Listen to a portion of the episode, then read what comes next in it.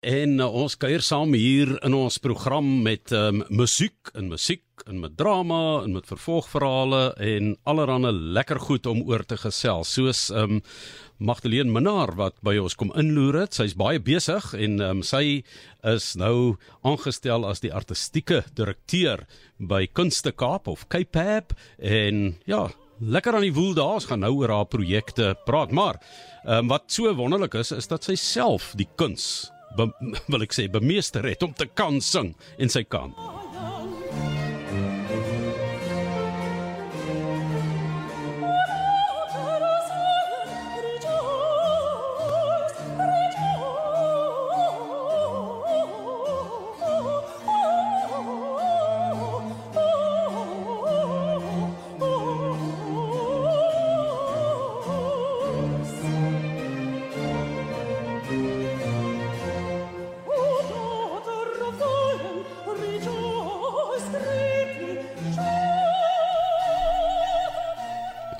Ja nee, daar gaan sy. Dit is o dogter van Sion met uh, Magdalene Minnar uit Hendel se Messia, die uh, Kaapstad Opera se Magdalene Minnar, die artistieke direkteur wat ons um, hierso in die ateljee um, kom besoek en ons is besonder bevoorreg. Um, Kaapstad Opera werk, ek moet amper sê is gebaseer daar by um, Cape of Kunste Kaap en dit is waar jy op die oomblik ook 'n uh, pragtige opera op die planke het, né? En snaaks genoeg dat Marion daarna verwys het. Sy sê dat um, Ou Liefde Roos is uh, se se plot is meer ingewikkeld as Figaro. En dis juist Figaro die huwelik van Figaro, né?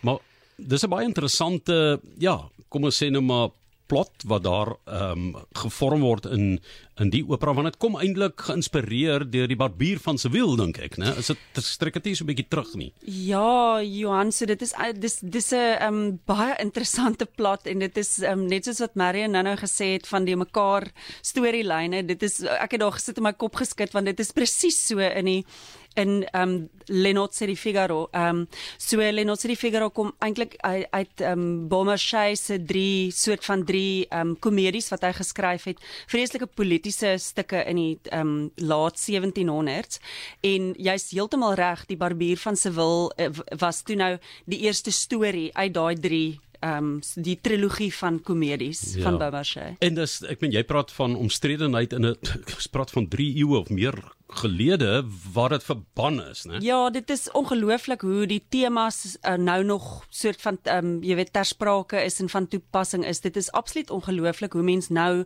nog ook kan komedie vind in in jy weet die grappies wat Mozart en Da Ponte wat die wat die libretto geskryf het, ehm um, bymekaar gesit het. Dit is vir my regtig dis so meesterstuk en dis so eer om die regie te doen van so 'n stuk.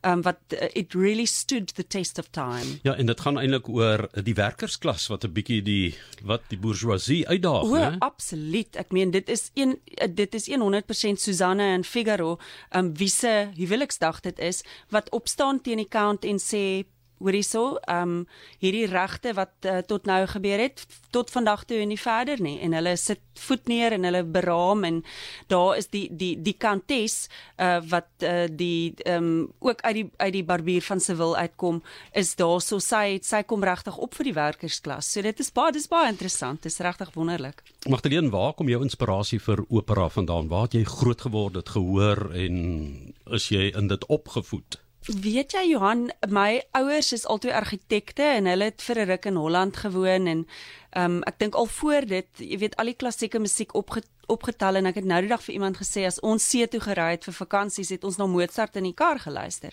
Soveel so dat ehm um, die groot grappie tussen my en pa, my pa was altyd om die koningin van die nag te sing um, as 'n duet en dan het hy die die boonste deel gesing en ek die onderste deel. So ons het vreeslik ons het vreeslik met met klassieke musiek groot geword, baie barok musiek. Um my ma self het in 'n barok orkesie in Holland gespeel, al die blokfluitte, jy weet ons ons 700 verskillende soorte blokfluitte. En so dit was maar net iets wat in my ore was en um toe ek uh, as as kind die uh wat nou die Jacaranda stad se kinderkoor is, die Pretoria se kinderkoor het ek ehm um, het het ek bygewoon en daar het ek soort van as solis baie keer opgetree en toe het mense maar vir my gesê, hoor jy het 'n goeie stem. Ehm um, en op so jong ouderdom is dit maar moeilik want mense weet nie wat is 'n goeie stem, wat moet jy nou word, 'n wonderkind, jy weet so. En toe het ek maar so algaande ehm um, sangles geneem en en opera het net van vroeg af ek weet nie deel van my lewe geword. Kyk, hulle het altyd gepraat van die passievolle, vurige rooi kop. Magdalene Minnar. Maar Magdalene, het jy geleentheid gehad dan ook om deur jou werk die wêreld te ervaar? Ja, wel ek meen as jy bedoel die die die wêreld te ervaar as as nie kunstenaar dan absoluut, maar as as kunstenaar het ek ehm um, swaalf altyd die idee gehad dat ek my eie werk moet skep en daar het ek daar het ek regtig ehm um, verskillende aspekte van die van die teaterbedryf kon ervaar omdat ek ehm um, vroeg toe nou my ehm um, piep klein vervaardigingsmaatskappytjie gestig het en soort van my eie ding gedoen het. Ehm um, so dit ja, dit was nog altyd vir my 'n vreeslike reis gewees en ek ek hou aan groei en ek ek hou aan leer. Mens leer elke dag nuwe goed. Jy jy was betrokke eh, mens kry dit deesdae um, op verskeie vlakke, nie net in die in die kunste nie waar jy aan 'n dansgeselskap blootgestel word en in 'n groep ingesluit word, jy weet die sogenaamde squads waardeur jy kom. Jy is ook 'n produk daarvan dat jy as 'n jong sanger geïdentifiseer is en nou 'n siklus voltooi het deur hier in Kaapstad Opera hierdie besondere rol te kan kan kom inneem. Ja, dit is so, ek meen dit is dis regtig 'n vol sirkel soos jy sê, dit is 'n uh, um, in die soort van begin van die 2000s het ek uh, is ek gekies om deel te wees van die Kaapstadse Opera Studio wat nou die Young Artist Program is en daaroor jy weet dit dit was ongelooflik. Ek meen die hoeveelheid rolle wat mens geleer het is jy kan dit nie vergelyk met enige van die studios of young artist programs oor see nie want ons het ek het letterlik in 1 jaar iets soos 18 of 19 rolle moes leer. Uh wat en en op die groot verhoë opgetree. Uh wat dis regtig ongelooflike geleenthede wat mens kry wat jy nie sommer net uh oor see kry nie. Jy weet want mense sê altyd, "O, oh, maar hoekom gaan jy nie oor see nie?" En dan raak ek eintlik vies want ons um industrie in Suid-Afrika is eintlik regtig well equipped as mens dit so kan sê. En ehm um, die, die platform hierso is regtig groot. So ek is baie bly om deesdae in die posisie wat ek nou is met sangers te praat met jonger sangers en hulle sê hulle wil nie in Duitsland gaan sit in 'n klein jy weet um, woonstelletjie sonder 'n gesin nie. Hulle wil 'n gesin grootmaak in Suid-Afrika en nog steeds sing. En dis vir my regtig wonderlik om dit te hoor Jy jy jy ken daai gevoel wanneer jy jonger is en en jonk is en jy wil graag. So jy werk met baie sulke talent. Jy het nou daarna verwys ook en dit is reuse talent wat ons in Suid-Afrika het Absoluut. met baie min geld. Ja, kyk, uh, ek dink enige ehm um, persoon wat hierdie uh loopbaan kies, weet dat jy doen dit nie vir die geld nie. Dit is soort van die eerste ding wat jy leer as 'n jong sanger is dat ehm um, jy moet regtig harde bene kou om om om dit groot te maak en om 'n Golda Schultz of 'n Pretty Yende of 'n Musa Ngwana te word wat regtig of 'n Levi Sekgapane om nou vier van ons regtige top uh uitvoer sangers te te noem. Ehm um, maar dit is maar dis dis rof van die begin. Ek ont, ek onthou toe ek in die studio was het ons ag, jy weet jy verdien so min geld dat jy jy lewe maar van brood en piesangs en jy weet ons het soort van resepte uitgeruil van wat is die mees ehm um, jy weet nutrie meeste nutriënte wat jy vir die minste rand kan kry en allerlei ehm um, aaklige kombinasies op afgekom soos my gunsteling wat ek nou die dag vir iemand van vertel het was juis vir een van ons jong kunstenaars dat ons het witbrood geëet met piesang, bavrol, ehm um, kaas en peanut butter. so grondboontjie botter met al daai saam en dit was 'n wonderlike maaltyd. Ons het gevoel ons is konings as ons so geëet het. So maar nee, om terug te kom met na jou vraag, dit is regtig ehm um, die die die tipe van ehm um, support wat ons wil gee vir ons sangers is regtig ehm um, dit gaan oor um skills development. Dit gaan daaroor dat ons daar's 'n ding wat ek wat ek leer is how to find your side hustle. Want wat ek agtergekom het is dat baie baie kunstenaars uh lewe van van um aanstelling na aanstelling of van gig na gig of van konsert na konsert en um so is dit daai hele ding van van die starving artist wat wat soort van jy weet die hele tyd in jou kop is, maar eintlik as kunstenaar moet jy soort van eiers in alle mandjies het, in klomp mandjies sodat jy kan jouself ehm um, finansiëel, jy weet, voorsorg. Wanneer jy in die kunste is, kan jy baie maklik diskonnekteer van die werklikheid af want jy bly net in daai wêreldjie, jy weet, fairy. Jy jy's op aan kant. Hoe bly jy geaard dat jy weet dit wat jy hier onder mekaar aan mekaar sit soos wat jy nou die regie hanteer mm. van die huwelik van Figaro um, om dit in die gemeenskap gewil te maak en die mense die gehore maar weier as die ou wat in elk geval 'n kaartjie koop.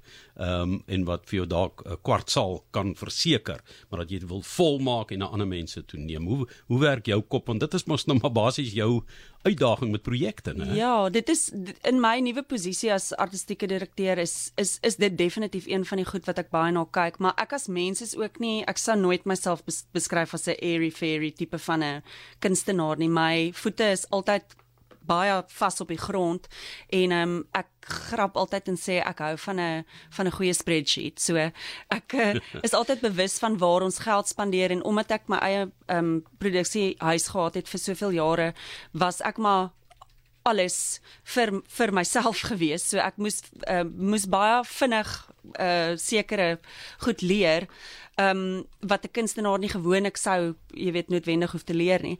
Maar ehm um, by Kaapstad Opera is ons baie gefokus op ehm um, gehoorbouing en ook op die jeug. Ehm um, ons ons ons jeug uh, afdeling is regtig groot en ons probeer regtig om opera na na ehm um, areas te neem wat nie noodwendig so bevoordeel sou wees om om dit by Kunste Kaap te kom kom geniet nie.